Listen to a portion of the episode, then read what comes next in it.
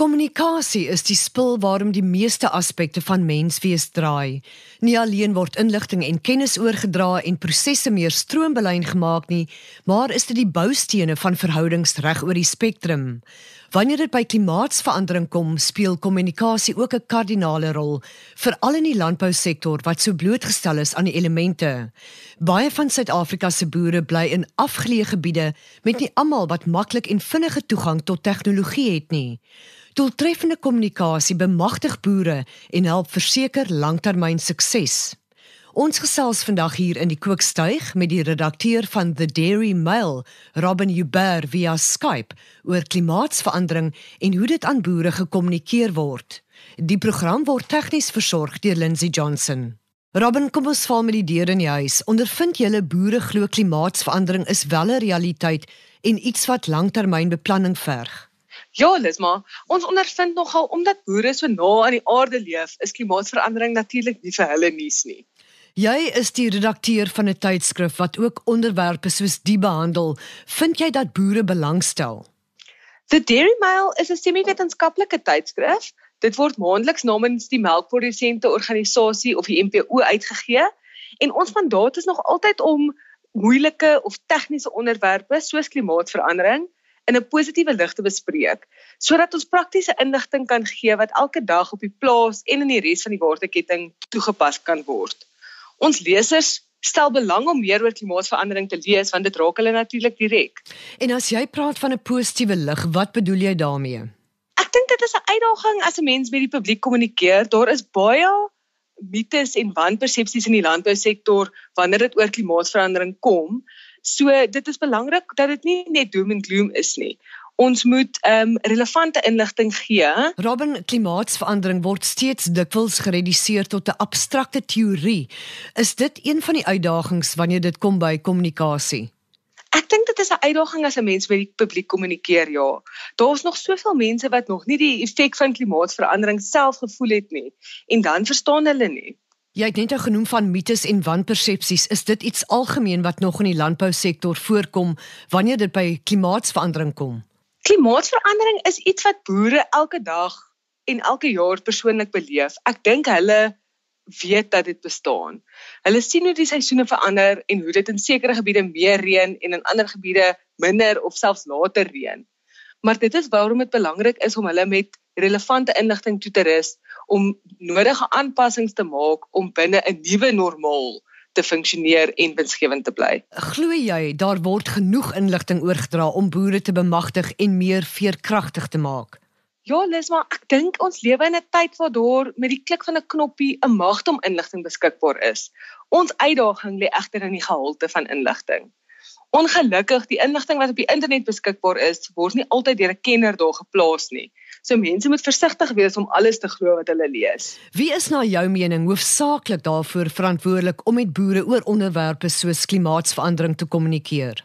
Ek dink wetenskaplikes speel beslis 'n rol om ons ingelig te hou oor sulke onderwerpe, maar baie wetenskaplikes vind dit natuurlik moeilik om navorsing en wetenskaplike beginsels doeltreffend te kommunikeer.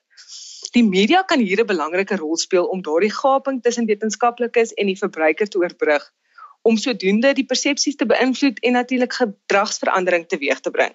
Volgens my is die media se rol tweerlei. Eerstens om as 'n waghond op te tree oor onaanvaarbare praktyke, het sy deur groot korporasies of regerings, maar ook om bewustheid by die publiek rondom klimaatsverandering te kweek en vir hulle te vertel hoe ons innoverend daarop kan reageer. Robin, is dit vir die media uitdaging om wetenskaplike beginsels oor te dra? Nee, ek dink nie dit behoort te wees nie. Ons werk gewoonlik baie nou saam met wetenskaplikes wat ons help om die inligting korrek te vertolk. Ons werk is dan om dit in 'n aantreklike en verstaanbare formaat te verpak en aan te bied sodat mense dit wil lees. Hoe kan die media te werk gaan sonder om mense op hol te jaag? Die media het hier 'n belangrike verantwoordelikheid om akkurate en regverdige dekking te gee, maar dit is belangrik dat die boodskap nie net doom en gloom moet wees nie.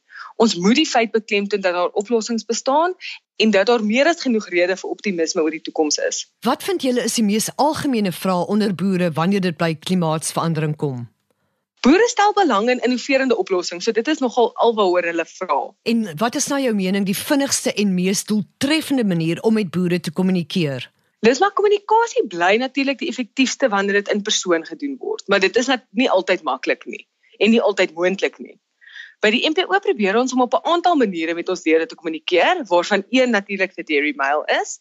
Verder produseer ons 'n twee weeklikse elektroniese nuusbrief en ons kommunikeer op sosiale media en by boere daar. Robin, wat van boere wat weens tegnologiese uitdagings nie by magte is om toegang te kry tot al die jongste inligting nie? Tydskrifte soos die Dairy Mail word by die boer op die plaas afgelewer, so hy of sy sal altyd toegang hê tot die jongste inligting. Word boere nie dikwels daarvan beskuldig dat hulle of die landbousektor eintlik die oorsaak is van klimaatsverandering nie?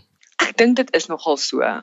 Veral in die suiwelbedryf kry produsente soms die skuld dat hulle ondoeltreffend is en dat hulle grootliks bydra tot die metaangas wat in die atmosfeer vrygelaat is. Maar as ons kyk na die vooruitgang wat die suiwelbedryf oor die afgelope 80 jaar in terme van doeltreffendheid bewerkstellig het, dan kan 'n mens duidelik sien dat hierdie ook maar net 'n deelte van die prentjie is.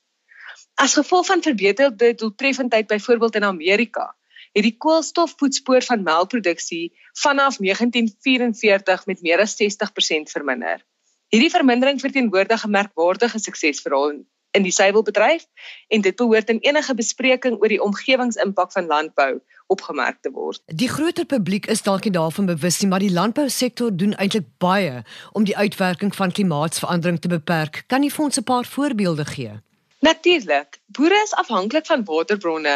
Ehm um, hulle weet dat dit belangrik is om die beste praktyke toe te pas en betrokke te raak by waterrentmeesterskap. Die MPO is byvoorbeeld betrokke by heelwat inisiatiewe om waterrentmeesterskap te bevorder en ons werk nou saam met organisasies soos WWF Suid-Afrika. Daar's heelwat suksesverhale van boere wat vlei lande op hulle plase beskerm en rehabiliteer. Melkbore is natuurlik ook groot elektrisiteitsgebruikers, maar hulle werk al slimmer Hulle gebruik hernubare energiebronne soos wind, son en biogasaanlegte. Byvoorbeeld in 'n biogasaanleg word beesmis gebruik om metaangas te lewer vir die opwekking van elektrisiteit op die plaas. Robin net vinnig, kan jy vir ons die konsep van rentmeesterskap verduidelik? Rentmeesterskap beteken dat jy daardie hulpbronne wat aan jou toevertrou is, oppas en bewaar vir 'n volgende generasie. Dit kan enigiets wees van natuurlike hulpbronne soos water en grond tot die mense eintlik wat op jou plaas is en wat van jou afhanklik is. Laastens, hoe kan boere in die algemeen en nie net melkprodusente nie volgens jou meer klimaatslim word? Dit gaan alles eintlik maar net oor doeltreffendheid om beter te produseer met minder. As boere dit regkry, dan is hulle klimaatslim. Robin het vandag opnuut bevestig hoe belangrik kommunikasie in en aan die landbousektor is. Dis een van die vereistes vir die moderne boerdery. Die boodskap moet egter verstaanbaar, relevant en geloofwaardig wees en ondersteun deur stories waarby mense kan aanklank vind. Soos hulle sê, kennis is mag. Die program word ondersteun deur die Wes-Kaapse Departement van Landbou. Ons groet tot volgende week. Onthou, die aarde is kosbaar. Kom ons bewaar dit.